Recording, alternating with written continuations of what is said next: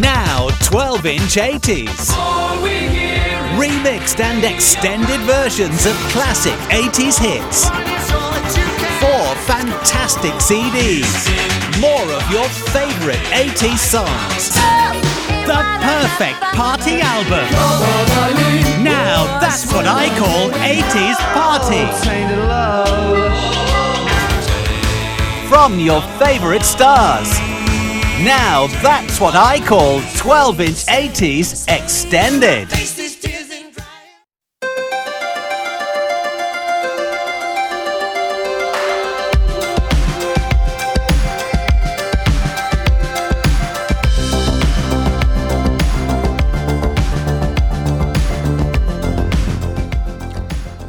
Og så håber jeg, at I har fået spændt danseskoene fast, fordi i denne her uges udsendelse, der skal det handle om remix, remix, remix, remix. Velkommen til Noget ved Musikken. Mit navn er Kim Pedersen, og øh, den her lidt øh, specielle intro, det er jo simpelthen fordi, at som vi også sagde i sidste uge, så kommer vi til at bevæge os ind i den vidunderlige verden af remix. Og vi gør det simpelthen over fire episoder, som altså kommer en om måneden. Så vi starter her i marts måned med at kigge på 80'erne. Og jeg skulle hilse at sige, der er rigtig mange remixer at tage af, og vi kommer kun til at få fat i en lille brøkdel af det hele. Men så er det også godt, at jeg har selskab, som så vanligt er dig, kære Andy Tennant. Ja, er det dejligt, dejligt at se dig, men Jamen lige måde. Og du ser jo fremragende ud. du ser dejlig ud. Ja, tak for det. Jeg synes faktisk, du ser bedre ud, end jeg gør. jeg er måske lidt mere øh, farvestrålende klædt, men det er der jo heller ikke noget nyt i, kan man sige. Jeg vil jo lige sige, at vi sidder jo her med oh, vores ja. helt nye kopper, noget ved musikken kopper. Og det er jo altså nogle, vi har, øh, vi har rekvireret os inden fra Official Charts. Det er altså den officielle engelske single hitliste, som simpelthen har lavet nogle kopper til os. Mm. Og ja, på min her, der står der Official Number One Chart Nerd, og det tror jeg da vist godt, vi kan blive meget enige om. Og på din egentlig, den er endnu bedre. Jamen, jeg har jo simpelthen et kassettebånd. Og det er jo... Det er et øh, slags mixtape, vel Ja, egentlig? og, og måske en hyldest til Lou Ottens. Og hvem er Lou Ja, Ottens? Og hvem er Lou, Lou Ottens? Lou Ottens er, ja. Det er jo ham, der opfandt kassettebåndet. Det kan I høre i et Øhm, tidligere afsnit i hvert fald. Det er rigtigt. Øh, et kassettebånd, hvor der simpelthen står noget ved musikken. Ja, ja. Og så en pil, øh, der går op, og en, der går ned. Og Ja, sådan. det er sådan ikonet ja. Ja. for Official Charts. Lige- næsten lige der. præcis, Ja. lige præcis. Og dem er vi meget glade for at drikke nogen noget glimrende kaffe ud af dem. Men som sagt, er egentlig, vi skal, vi skal snakke... Ja, glimrende, det var måske så meget sagt. det var det, det er det ikke, Ah. nej. Men kaffe i hvert fald.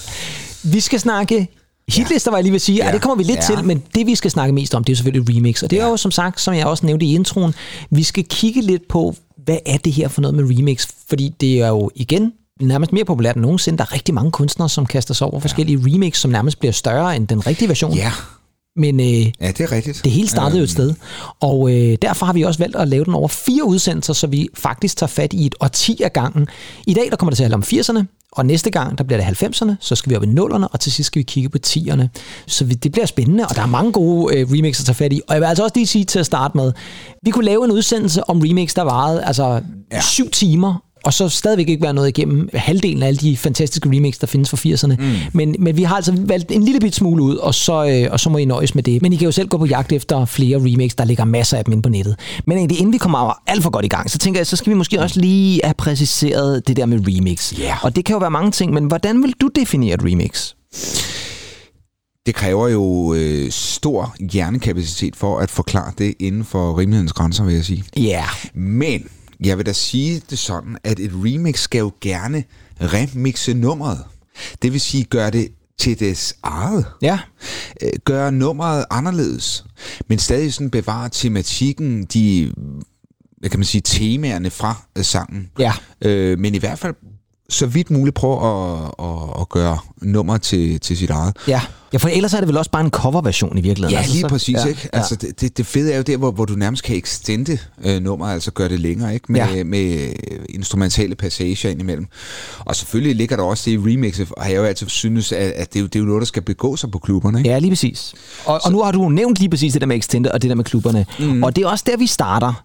Fordi vi kommer jo til at lave nogle forskellige nedslag, og ja. vi starter jo faktisk, øh, lad os sige det sådan, ikke engang i 80'erne, fordi vi starter faktisk tilbage i slutningen af 70'erne. Mm. En af de første rigtig legendariske remix, det er sådan en af dem, der er gået over historien for at være sådan en rigtig legendarisk remix, det er af en kunstner, som øh, må man sige, havde sin storhedstid i 70'erne. Hun har også udgivet singler i 80'erne og også i 90'erne, men det var i diskotiden i 70'erne, at Donna Summer virkelig huserede. I 1977, der laver hun jo en af de måske mest klassiske elektroniske high energy numre, nemlig I Feel Love. I feel love. Og det er et nummer, som du også godt kan huske, ikke egentlig? Er tosser, Det er en vild omgang, produceret af George Moroder i øvrigt mm-hmm. jo. Mhm. Og øh, det var også et stort hit, blev kæmpe, kæmpe stort hit, både på klubber og øh, singlemæssigt osv. Og så sker der det i 1978, at remixer produceren Patrick Cowley, som er sådan en øh, gut fra San Francisco, der er virkelig, virkelig gang i øh, dance- og disco-kulturen over i San Francisco på det tidspunkt. Han vælger at lave et remix af den. Og det er et remix, hvor han faktisk tager den oprindelige fordi det var sådan, man startede nemlig med remixen. Det var, man tog det oprindelige nummer, faktisk det helt oprindelige indspilning, og så skruede man lidt på nogle knapper, så der kom nogle forskellige lyde ind over mixet, og så tilsatte man typisk sådan noget percussion eller ekstra synth-lyd eller sådan noget på mixet, altså sådan, så man ligesom lavede det over mixet. Så man sad altså ikke med de individuelle spor og mixet, det er først senere, man rigtig begynder på det. Og Patrick Cowley laver altså i 1978 et 16 minutter langt mega remix af det her I Feel Love nummer, og det øh, bliver jo så udgivet på klubberne til DJ's, men kun til DJ's, og bliver et ret stort klubhit. George Moroder er faktisk ikke særlig glad for det. Han synes, det er noget værd at rod. Mm-hmm. Men, øh, men nummeret bliver været sådan en rigtig legendarisk DJ-track. Og så sker der så faktisk det, at det forbliver ved det lige indtil 1982, fordi så udkommer selve remixet så endelig på plade eller vinyl 12-inch single, for der er 12-inchen virkelig kommet til sin ret, og den skal vi vende tilbage til, men først så skal jeg altså lige høre en lille bid af, hvordan det lyder, når Patrick Cowley han begynder at lege lidt med I Feel Love.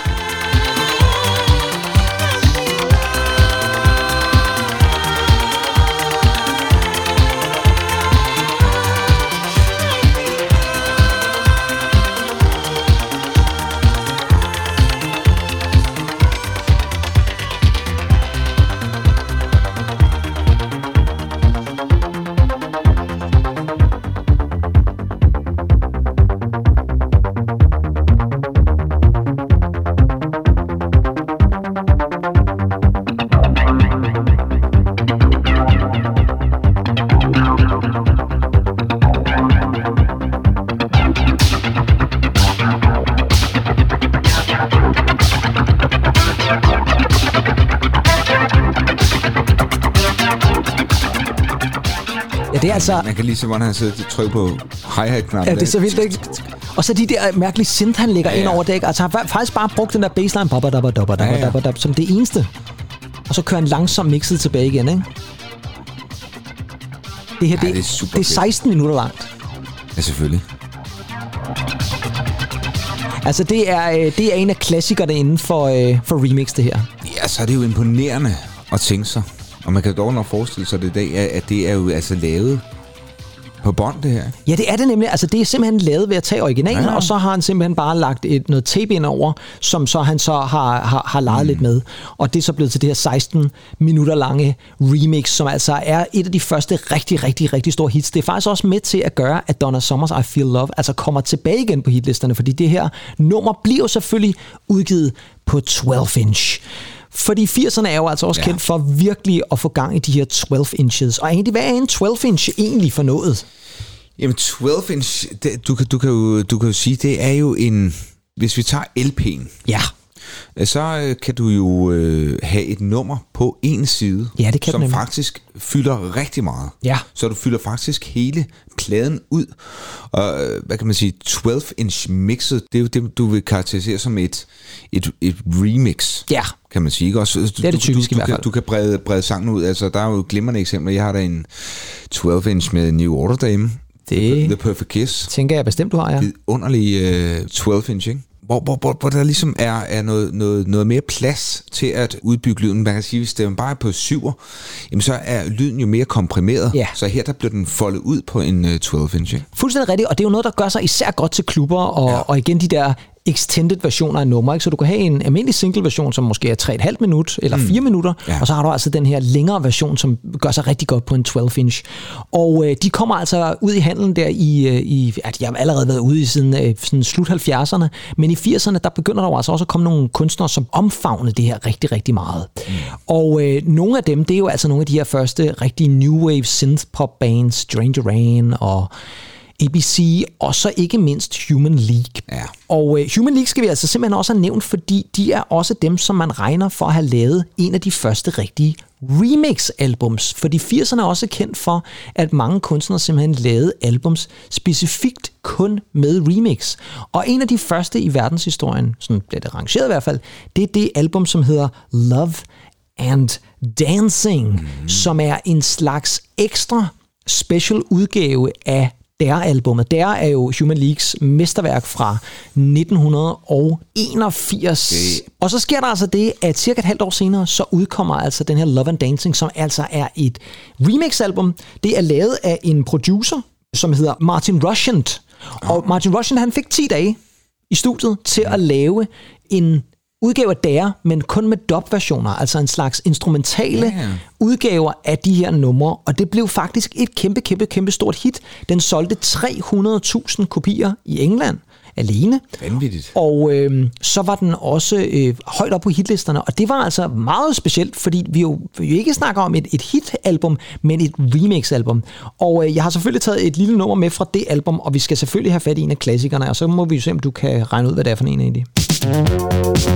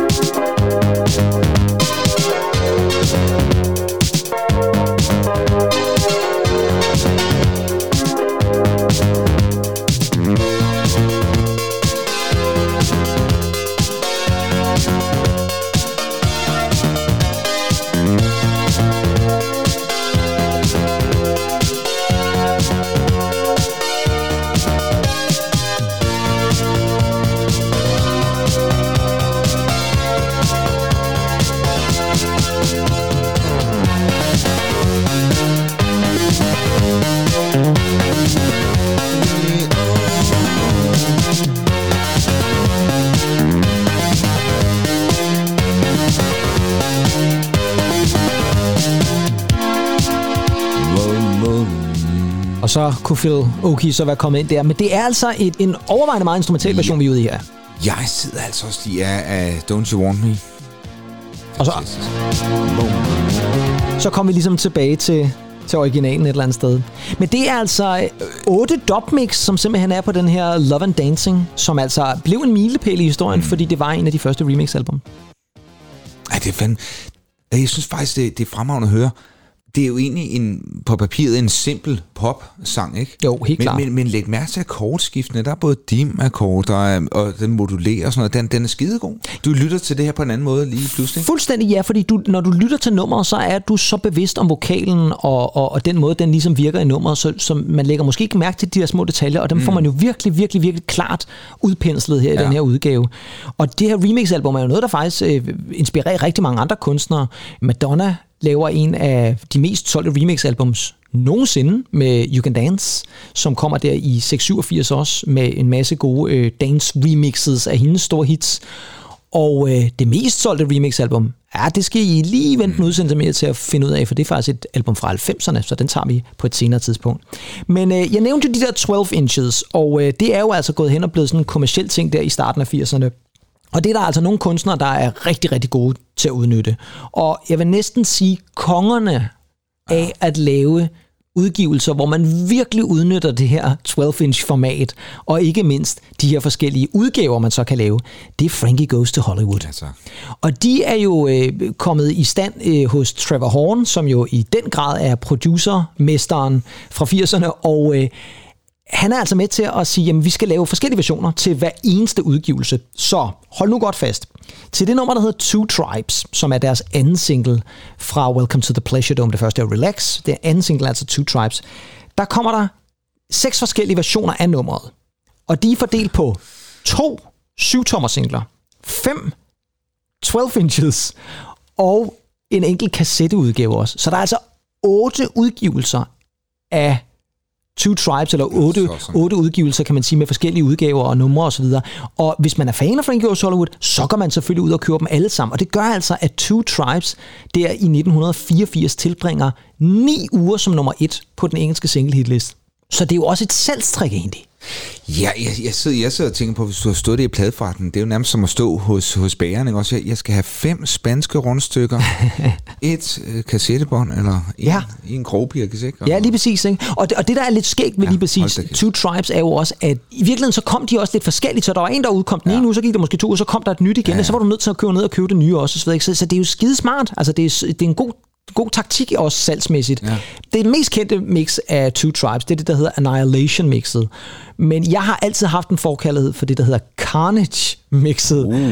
Og det er øh, måske lidt fordi, at den minder enormt meget om den reelle single-version. Den starter 100% instrumentalt, kører cirka nærmest hele nummeret igennem instrumentalt, inden den så går over i den reelle single-version. Og den skal vi selvfølgelig også have en lille bid af.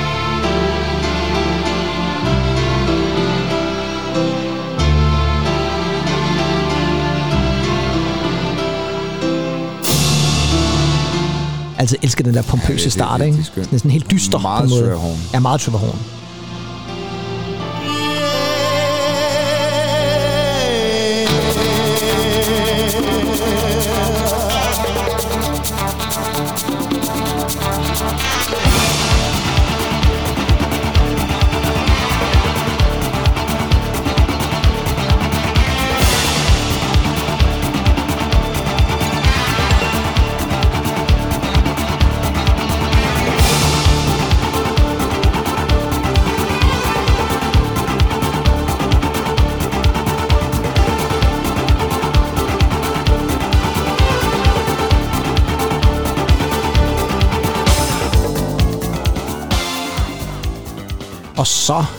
Er der altså smæk tak, på. Tak, tak.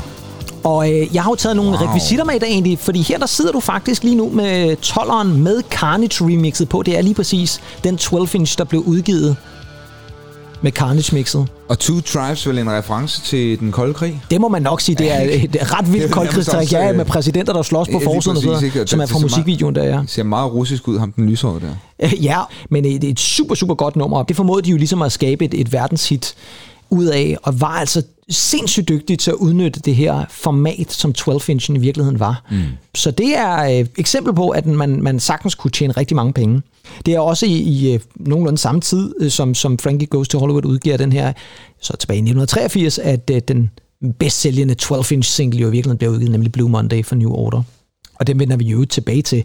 Men først så kan man måske snakke om, øh, hvad så med remix? Var det sådan noget, der var forbeholdt, øh, man kunne købe på 12-inch og i klubber og sådan nogle ting og sager? Nej, der var faktisk også radiostationer, der spillede mm. remix. Og men, det er nok ikke også særlig mange, der spillede remix dengang. Men øh, grund til, at jeg siger det, det er også, fordi der var faktisk især en mand yeah. i 80'erne, som godt kunne finde på at gøre det. Og beviset, det kommer her.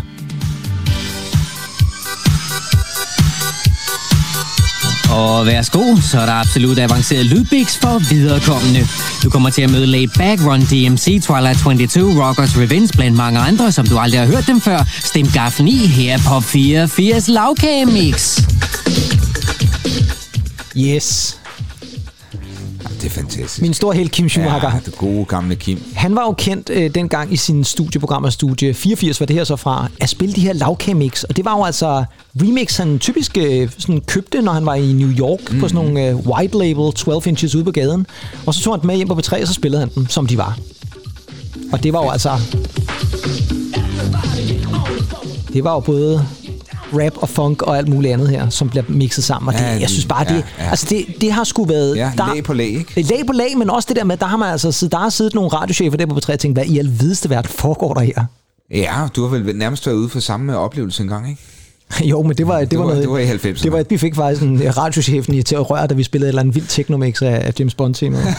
det, var, det, det, kunne han sgu alligevel ikke klare. Der kunne han ikke være med. Ej, men det var også fuldstændig sindssygt. Ja, men... men egentlig, nu har vi jo allerede hørt nogle eksempler. Hvis, jeg sådan, hvis du skal sådan have dit eget personlige præg på det, hvad skal der så til i et remix? Du har allerede nævnt nogle ting, men hvad, hvad tænker du er noget, der kan få dig på dansegulvet? Altså, hvad er, det, hvad er for dig et godt remix?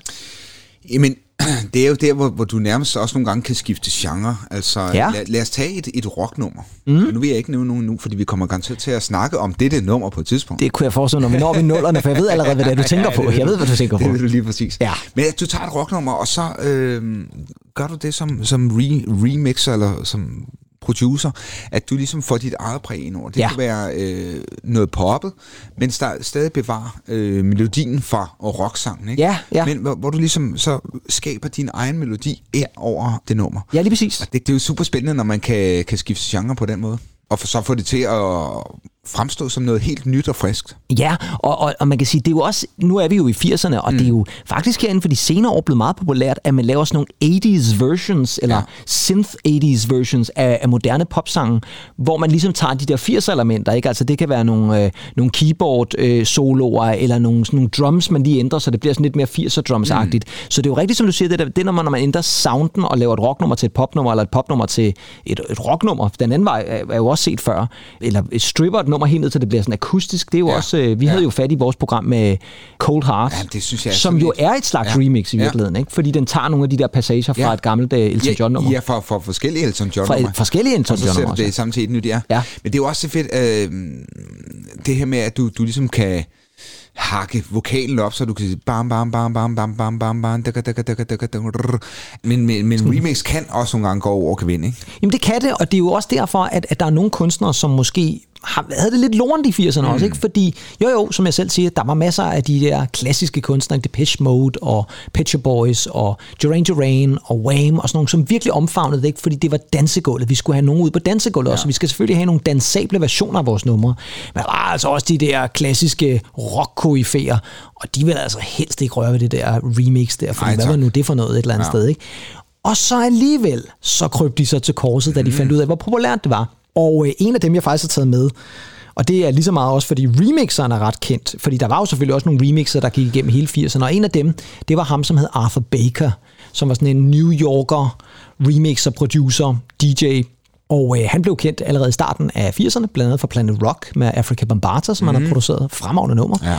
Men øh, også har arbejdet sammen med New Order, nu du selv Perfect Kiss, den har han jo produceret, ja. så det er et fremragende nummer. Ja, det er det. Men i 1987, der fik han en øh, opgave, som, som jeg synes, den, den historie synes jeg faktisk bare er lidt sjov, fordi han bliver ringet op af et pladselskab, som siger til ham, prøv en gang, vi har hørt det, du har lavet med remix, vi kan skide godt lide det, hvad siger du til at remixe øh, den nyeste single fra Fleetwood Mac? Og så siger Arthur Baker, Fleetwood Mac? Hmm, ja, jo, men det vil jeg da meget gerne. Og øh, så tager han faktisk ud til Lindsey Buckingham, som. Ja. sidder i, i, i, i hans øh, hus med masterbåndene der, og dem får han udleveret. Og øh, Arthur Baker ved jo godt, hvem Fleetwood Mac er, og hvilken øh, stor historie de har. Så han siger sådan, er der noget specielt, du tænker sådan? Og Lindsey han siger bare, nej, nej, du gør bare det, du, du plejer at gøre. Det gør du sikkert skide godt. Ikke? Og skide flink fyr, ikke? Og så tager Arthur Baker hjem og begynder at lege lidt med de her forskellige multispor, der ligger, de her forskellige tracks, og finder blandt andet ud af, at der ligger en vokal, som ikke er med i det rigtige nummer, med Stevie Nicks. Der ligger simpelthen en vokal, som ikke er brugt den rigtige version. Og han synes, de er vildt fede, og tænker, "Jamen, det skal der med i remixet. Så han laver simpelthen en remix, hvor Stevie Nicks vokal faktisk dukker op i. Det er Lindsey Buckingham ikke vildt begejstret for. Nej. Og grunden til, at han bliver det, det er jo selvfølgelig, fordi for det første, Stevie Nicks og Lindsey Buckingham er jo tidligere et par. Lige præcis. Og så skal vi altså også huske på, at Tango and the Nights, som øh, det her album jo hedder her i 87, mm. som det her nummer kommer fra, det er jo et album, hvor de jo faktisk har lidt deres forskellige tracks. Og det helt store Lindsey Buckingham track på det album, det er Big Love. Ja. Det er hans nummer. Det er det her store rock Ja, det er nummer, og der skal Stevie Nicks vokal skulle da ikke gå ind og blande sig. Men øh, jeg skulle hilse at sige, at det er øh, Arthur Baker lidt ligeglad med, så han beholder det på. Så nu får I rent faktisk lidt nummer. Og jeg vil faktisk sige det her, det her det er mine, en af mine yndlings remix numre fra, fra 80'erne. Og så vil jeg jo spørge dig bagefter egentlig, som jo godt kan lide Fleetwood Mac, ja. Og især også Tango on the Night. Hvad tænker du om det her remix?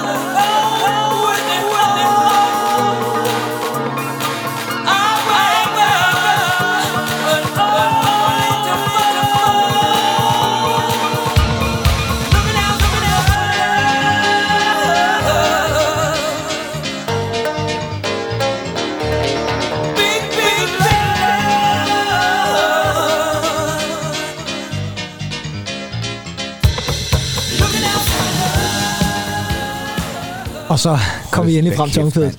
Det, det skal jeg da lige love for, at det er et remix til det. Er det ikke sindssygt? Er det så færdigt, mand? Ja, den får på alle tangenter. Og alligevel, så gør han jo en af de ting, som vi jo snakker om, som vi allerbedst kan lide ved remix, at han holder alligevel, altså, Ja, lidt- så, er vi, lidt- så er vi lidt tilbage i originalen her, Jamen, lidt andet det, sted. det er vi. Det må Når- godt når- når ligne har noget af det rigtige. Guitar-temaet. Og der, guitar-temaet også, ikke? Men jeg skal lige love for, at han har fået skruet op for noget bright uh, house piano der. Er du sindssyg, ja, for det er jo nemlig også et ja. Ja. eksempel på noget af det første rigtige housemusik. Ja. Ja. Det her er jo altså fra 87, og Arthur Baker var også med til ligesom at, at skyde det igennem. Men en af de ting, som vi har snakket meget om med remix, det er, at hvis det kommer for langt væk fra originalen, hvis det kun er sådan en, en lille vokal, eller et lille beat, eller som sagt kun lige et guitar riff, så, så bliver det også lidt for kedeligt. Og her kan man stadigvæk godt fornemme ja. Ja. originalen. Og så må der godt være nogle passager, hvor det bare gakker totalt ud, og jeg elsker de der sådan, jeg synes, det er fantastisk. Men det er jo også derfor, derfor der findes så mange forskellige versioner af remix. Ikke? Helt klart, så, ja. så, så, du siger, okay, det der remix, det kan også begå sig kommercielt, og så er der måske et track, 4-5 øh, stykker, som er helt vanvittigt. Ikke? Fuldstændig. Og jeg vil også sige det sådan, at det her nummer blev faktisk et kæmpestort klubhit, især i USA, mm. hvor det faktisk øh, var helt op øh, som øh, sådan 6-7 stykker på, på clubcharten over i USA. Så det var altså øh, noget, som lige pludselig gjorde, at Fleetwood Mac lige pludselig var på dansegulvet også. Det, det er jo sindssygt, ikke? En anden øh, remixer, som også var meget kendt i, i 80'erne, det er ham, vi lige skal have fat i lige nu. Fordi jeg synes også, det er vigtigt at få nævnt øh, måske en af de aller, aller største remixere overhovedet fra 80'erne. Og øh, det er jo ham, som hedder Shep Pettibone. Ja. Og vi er nødt til at nævne ham, fordi, at, at, ven. ja, fordi jeg tror, jamen, jeg tror simpelthen ikke, ja. Man kommer udenom remix i 80'erne, uden ikke også lige at anerkende Shep Pettibone. Og øh, hvem er Shep Pettibone her? Amerikansk producer, skråstrej remixer, som faktisk stod i lære, om man så må sige, hos Arthur Baker. Det mm. kom vi faktisk give et lille eksempel på. Men som jo så også tog det sin egen vej, må man sige. Og nu skal I holde rigtig godt fast. Nu læser jeg simpelthen en liste over bare nogle af de kunstnere, ja. Som Shep Pettibone har remixet for. Er I klar? Mm-hmm. Bananarama, Bee Gees, Belinda Carlisle, Cyndi Lauper, David Bowie, Depeche Mode, Diana Ross, Duran Duran, Dusty Springfield, Elton John, Erasure, George Michael, Gloria Gaynor, Janet Jackson, Kim Wilde, Lisa Stansfield, Mariah Carey, Michael Bolton, Paul McCartney, Paul Abdul, Pet Shop Boys, Phil Collins, Prince, Run DMC, Seal og Tina Turner. Hold da kæft, mand. Kunne han ikke have fundet nogle A-navne? Jeg kunne ikke have fundet nogle lidt bedre navne, lidt mere kendte navne. Altså, det er jo Hold nu, sindssygt. det er jo og det er inden for meget få år, ja. Ja. han faktisk gør det her, og det er altså sindssygt. Men manden var også fantastisk, og det var både til at lave remix, men også til nogle gange at producere, og faktisk også nogle gange lave de versioner, som var mest kendte. Mm. Og en af de bedst kendte Shep Pettibone remix. Faktisk en af de bedste remix, ja. Ja. der nogensinde er lavet. Og en af hans, ja, måske hans mest kendte remix, det er den her.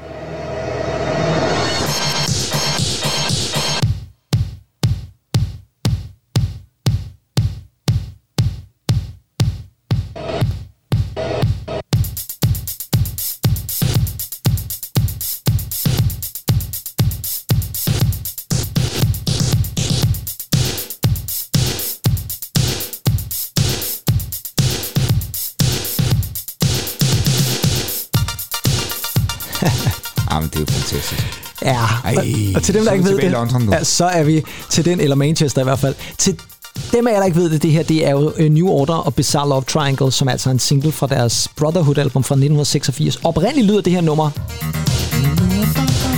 Det nummer lyder slet ikke sådan her. Altså, introen er, er jo 100% Shep Pettibone, og det er... Jamen, det er så fed en intro, Ja, fordi den bare fantastisk. sætter det nummer i gang på en vild måde. Og så bygger han langsomt nummeret op. Flere og flere Ja, spor, det er- flere og flere er ting. Og, og på et tidspunkt så ryger vi jo så også ind i, i, i noget, der minder lidt om, øh, om man kan sige, om albumversionen. Og jeg har faktisk, nu tog jeg øh, Frankie Goes to Hollywood med ind i. Jeg har jo selvfølgelig også taget Ja, ja. Bizarre Love Og Triangle med her. Den har jeg jo faktisk også derhjemme. Det har du. Det der, det er den amerikanske udgave, kan jeg fortælle. Ja. Så den Jeg er har- udgivet på, øh, på Quest Records, tror Jeg jeg. tror, jeg har den britiske. Ja, det har du nok, men den har jeg også derhjemme. Jeg tror, jeg har begge to. Men øh, det Jeg er i hvert fald... Det er også svært, du behøver, du behøver ikke at kunne konkurrence i den, trods alt. Nej, det men, øh, men det er rigtigt, det er Ej, den altså er en, det er en fremragende plade, det der. Ja, og, det er øh, også- og det er jo Shep Pettibone remixet, der også er på den. Det bliver betragtet som den rigtige version af Bizarre Love Triangle. Og, øh, der, State of the Nation er B-side. Sta- State of the Nation er B-side, det er faktisk en meget god B-side Ja, også, er ja. det. Men øh, til dem af jer, som lige nu tænker, jamen vi fik da slet ikke hørt noget rigtigt af nummeret. Ej, I skal da også have lidt af, af nummeret, når det sådan rigtig går i gang.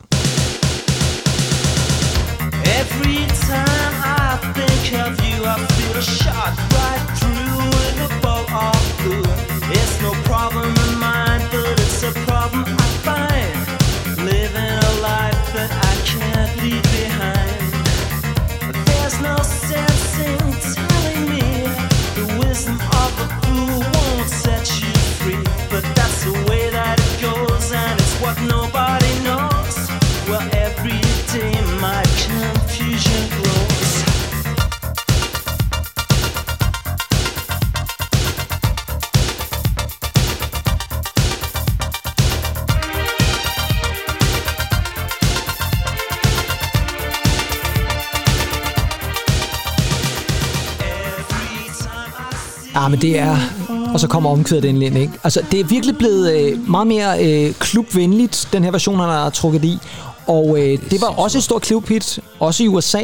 Til gengæld så har jeg altid undret mig meget over, hvordan det her den her single, den, øh, jeg tror, den højeste placering i England, det var nummer 56 Jamen, eller sådan noget. Det er helt åndssvagt, når man tænker på, det er en af New Orders mest kendte numre.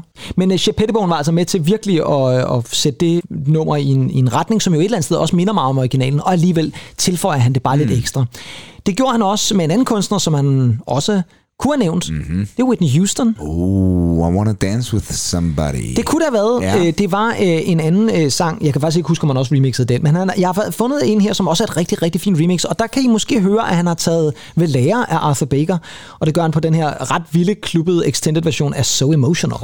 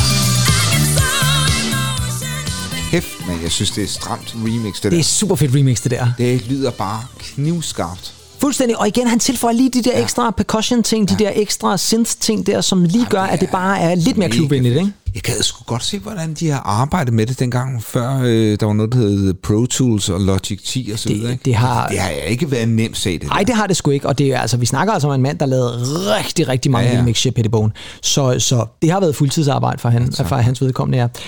Der er en kunstner, som man ikke kan undgå at nævne, når man så har nævnt Chip Pettibone. Den kunstner han nemlig arbejdet mest sammen med. Så meget, at han faktisk endte med også at producere, co-produce nogle tracks. Ved du, hvem det er egentlig? Man kan slet ikke komme uden om den her kunstner i forhold til Chip Pettibone. Vi har også nævnt hende. Både i det her program, og faktisk også i sidste program. Ja, men jeg sidder og tænker på noget Cindy Lauper. Ja, det kunne det godt have været, ja. Han, han har også været inde over Cindy Lauper.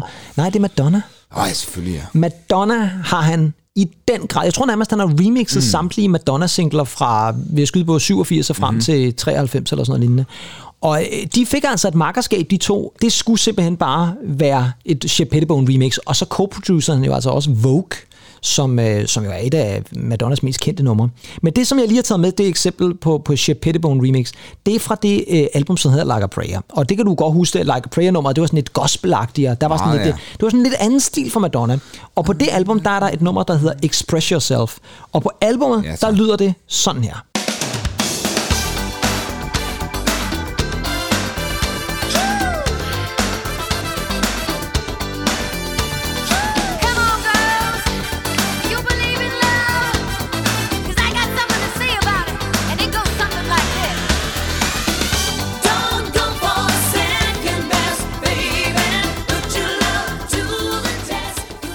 Er der altså nogle hornsektioner i den der, som jo nærmest vil få Phil Collins til at Helt vildt. svede jo altså. Men med trommer og Ja, ja, ja, hele den- baduljen den- der, den ikke? Og hornsektioner, ikke? Den får Det, der, alt, hvad den kan tage. øh, det er skattefri lørdag på DR1 eller sådan noget. Det er skattefri lørdag på, på DR1 med, med Jarl Friis Mikkelsen eller sådan noget, ja. 100 procent, ja. Og jeg vil sige det sådan, det er, øh, det er jo altså også et, et nummer, som lyder rigtig meget Like a Prayer-albummet. Den har lidt den der Like a Prayer-lyd på en eller anden måde. Så hvad gør man, når man er Shep Pettibone, og man skal have den ud på klubben? Ja, man øh, skruer lidt på en knap, tilføjer lidt på en anden knap, Ja, tak. og så lyder det lige pludselig sådan her.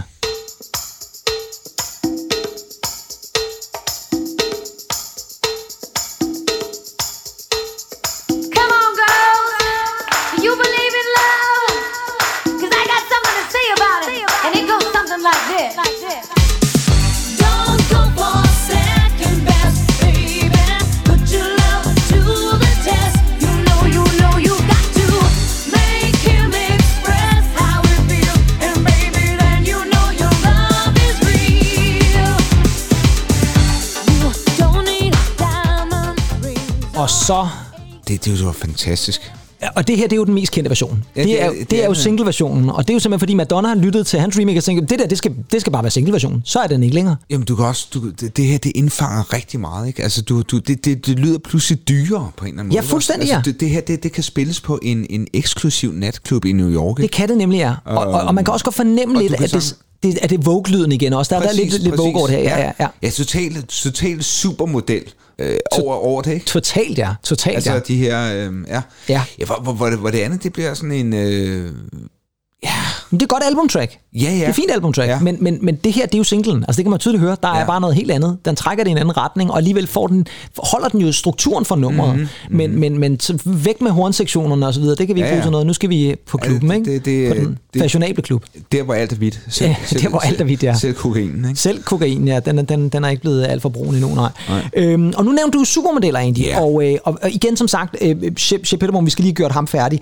Altså Madonna samarbejdede rigtig meget med co-produceret Vogue, og så sker der jo det mærkelige, at, at sådan oppe i midt-90'erne, 3-94 der, så forsvinder Shep Pettibone, og så har man faktisk ikke hørt fremtiden. Mm-hmm. Altså han er, han er ikke død eller noget som helst, Nej, han eksisterer stadigvæk, men han laver ikke musik længere, han laver ikke remix, han stoppede nærmest bare fra den ene dag til den anden, og det er, altså undret mig lidt, men han tænkte bare på, nu har jeg gjort det, jeg skulle gøre, så gider jeg ikke mere. Så det er lidt underligt. Men tilbage til supermodellen, fordi igen, som sagt, vi kunne fortsætte i en evighed med at snakke remix, men nu er vi jo faktisk kommet lidt op i slutningen af 80'erne, og øh, næste program, der skal vi snakke om 90'erne. Mm. Og overgangen til 90'erne, vi har allerede snakket lidt housemusik og så videre, men det er jo også, at nogle af dem, som remixer, nu har vi nævnt Shea Pettibone, men nogle af remixerne lige pludselig bliver kunstnere ja, selv, ja, altså selv præcis, udgiver musik. Og jeg kunne faktisk godt tænke mig at slutte med et nummer, som har en ret lang historik, men en ret sjov historik. Og den, øh, den synes jeg faktisk, vi skal tage med os. Fordi det er, udover det, at det er en fed historie, så er det en af mine yndlingsnumre all time. Så derfor synes jeg, der er lidt øh, validitet i den. I 1987, vi skal tilbage til 87, der er der en øh, duo, som hedder Morgan McVie, eller McVeigh, jeg ved faktisk ikke helt, hvordan den udtaler det med sådan noget lignende, som øh, bliver regnet sådan for de sådan lidt, lidt Simon Garfunkel-agtige. Dem skal vi have et stort hit ud af, og det fungerer ikke rigtigt. Og så er der nogen, der siger til dem, jamen hvad nu, hvis I lige øh, får Stock Aitken og Waterman til at producere noget? Selvfølgelig. Fordi Redningsmænden. redningsmændene, dem som jo øh, i virkeligheden øh, fik hits, altid bare hvad end de rør, rørt ved. Så de får Stock Aitken og Waterman ind over en single, der hedder Looking Good Diving. Et hit, ej, det tror jeg vist ikke, vi kan sige. Og, øh, og, og det er der måske god grund til, fordi at det er sgu ikke et særligt godt nummer. Men her kommer altså lidt af den her øh, Morgan McVie Looking Good Diving i Stock Aitken og Waterman-produktionen. So much love to give. So little time to live. I'm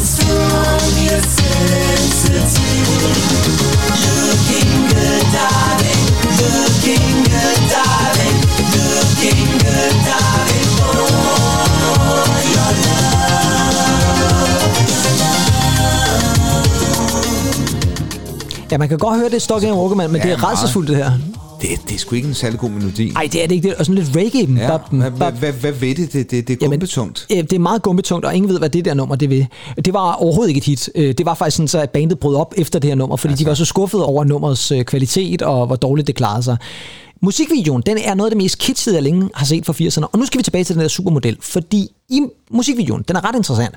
Der er der en masse, der er de her to øh, mandlige gutter, der står og keder sig frem, sådan virkelig cringe-agtigt for at bruge sådan et mere nutidigt ord. Mm. Men der er også nogle kvinder med i. Og øh, en af dem, der står i bandet, hvis vi kan kalde det det, og spiller keyboards, det er faktisk Naomi Campbell. Oh. Ja, som på det her tidspunkt jo ikke er meget mere end 16-17 år, og står og spiller keyboard her til den store guldmedalje. Eller Ja. prøver at forestille dig, at hun kan spille det i hvert fald. En anden person, det er hende, der står og spiller guitar. Og hun er interessant. Og Det er Naomi Campbell selvfølgelig også, men hende her, hun er mere interessant i en musikalsk sammenhæng, fordi til B-siden, nu er vi tilbage til den der 12 inch, til B-siden til det her nummer, der vælger de her Morgan øh, McVie at gå en lidt anden retning. Der laver de et nummer, der hedder Looking Good Diving and the Wild Bunch. Og det er et, lad os sige det sådan, en lidt anden version af nummeret. Det er en slags remix, men det er på en måde også lidt, lidt andet nummer. Og øh, hende, der spiller guitar i videoen, hun er faktisk med på nummeret. Og Andy, skal du prøve at se, om du kan gætte, mm. hvem det her er. Mm.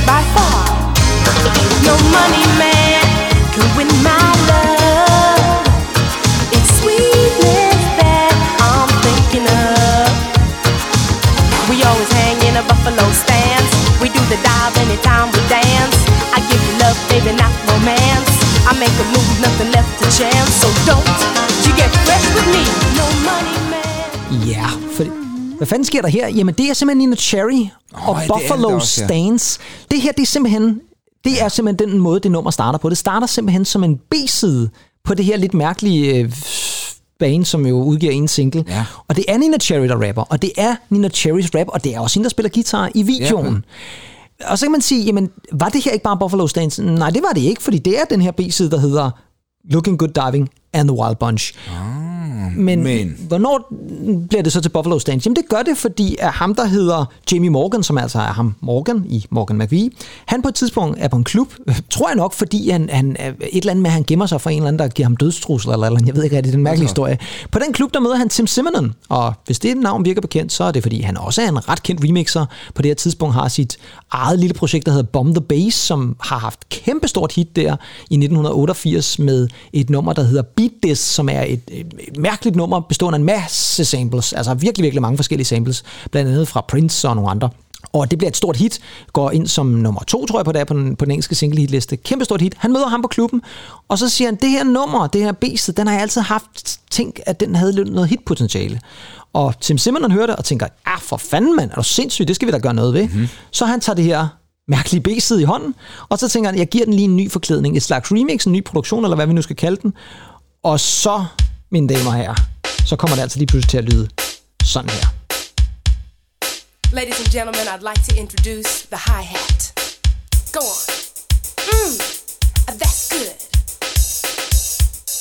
And now the tambourine. Right now.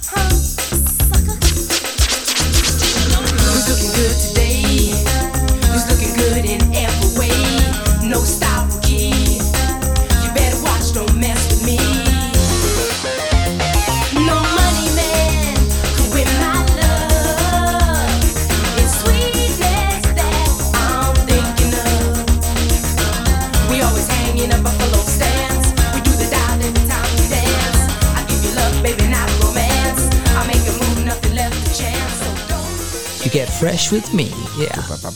Ja, Så fik du lige uh, krævet et helt nyt nummer der. Fuldstændig, og i virkeligheden et remix, som er en anden ja. produktion, men lige pludselig et verdenshit, ja. og en af 80'ernes bedste numre, hvis du spørger Ja, mig. det er virkelig, virkelig. Det er et fantastisk nummer, og det er fedt at høre, hvordan at et, noget, som jo i virkeligheden starter som en B-side, lige pludselig tager via et remix og via en anden producer, så sker der ligesom noget med nummeret. Og øh, det bliver jo sådan en form for overgang også til, til det, vi skal over til i, øh, i 90'erne, fordi der er det jo altså, at de her DJ's eller remixer lige pludselig begynder at skabe deres egen mm. karriere. Og Tim Simonon, som jo også kommer til at remixe rigtig mange kunstnere op igennem 90'erne, han bliver jo også afløst af nogle andre spændende kunstnere, mm. som får deres egen karriere. Jeg vil jo ikke sige, nu er der nogen af jer, der sidder og tænker, jamen var det et remix? Er det et remix? Nej, det er det ikke. Det er en reel ny produktion. Mm. Øh, men bare lige for at også at omfavne det der med, at der jo er remix, så har jeg altid godt kunne lide at i Buffalo Stance, det her Nina Cherry nummer, der er i den extended version, som er, nu har vi snakket extended versioner før, der er der i slutningen af nummeret, der er der sådan en, en, en ligesom sådan en uh, instrumental outro, og læg mærke til guitaren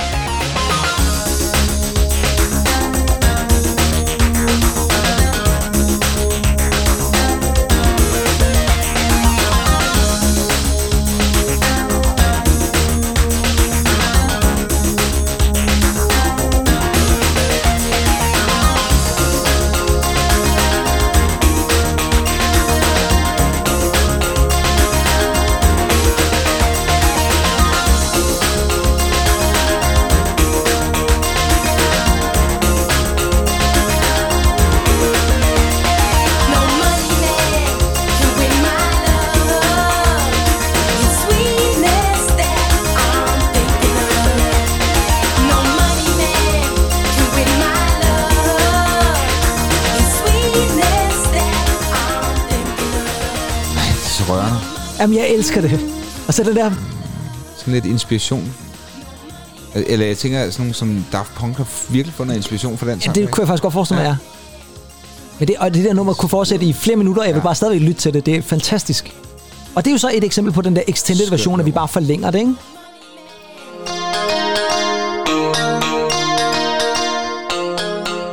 Ja, men det er, altså... Virkelig Det, spillet på keyboard, det der. jeg tror, det er spillet på Ja. keyboard, men det er nok sådan en, en guitar sample, som bliver spillet på keyboard. præcis. Men det er bare for at sige, at det, er altså, det her nummer er jo fra 88 lige på overgang til 89, og så har vi jo altså nået op til 90'erne. Ja. Og øh, så venter vi med 90'erne til næste Så. program. Men jeg vil sige det sådan, Perfekt. så slutter vi altså også det her program på et højdepunkt, hvis du spørger mig. Det gør vi.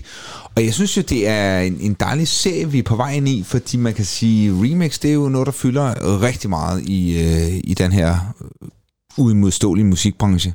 Helt vildt. Men det er ikke sådan så, at vi tager øh, 90'er-programmet næste gang, fordi Nej. øh, der skal vi til noget lidt andet. Der skal vi til noget lidt andet, ja. og, øh, og det kan vi jo godt allerede ja, løfte lidt af sløret for, at vi jo faktisk har snakket om, faktisk også før, at øh, de mærkelige hændelser, der desværre sker ud i verden i øjeblikket, havde snakket om, at vi gerne vil lave lidt om danske støttesange. Mm-hmm.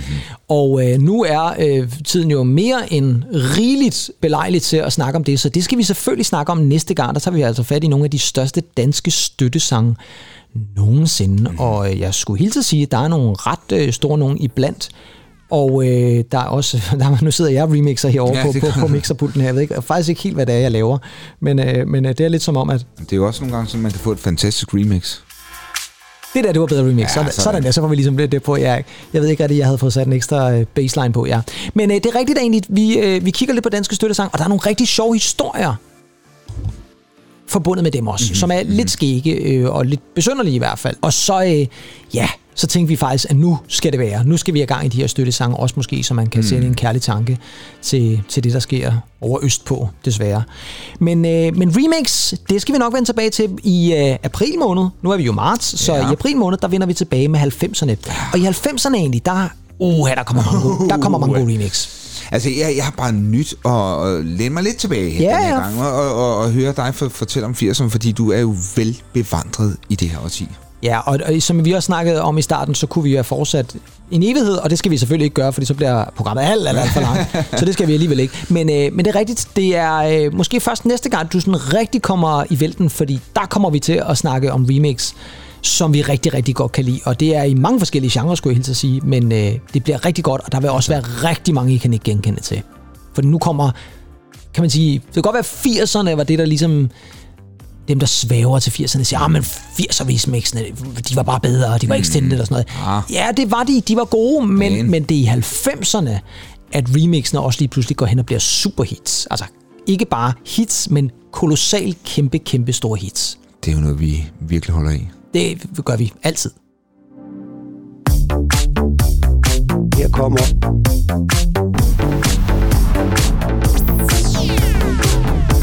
Og så, og så kører den i, i vild stil igen her.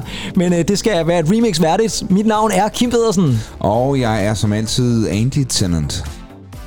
Og vi vender altså tilbage igen i næste uge med nogle støs, støttesange, hedder det. Og indtil da, lyt til rigtig meget god musik, og øh, pas godt på jer selv, ikke mindst lige nu. Ha' det rigtig godt, indtil vi ses igen. Hej hej. Bye bye.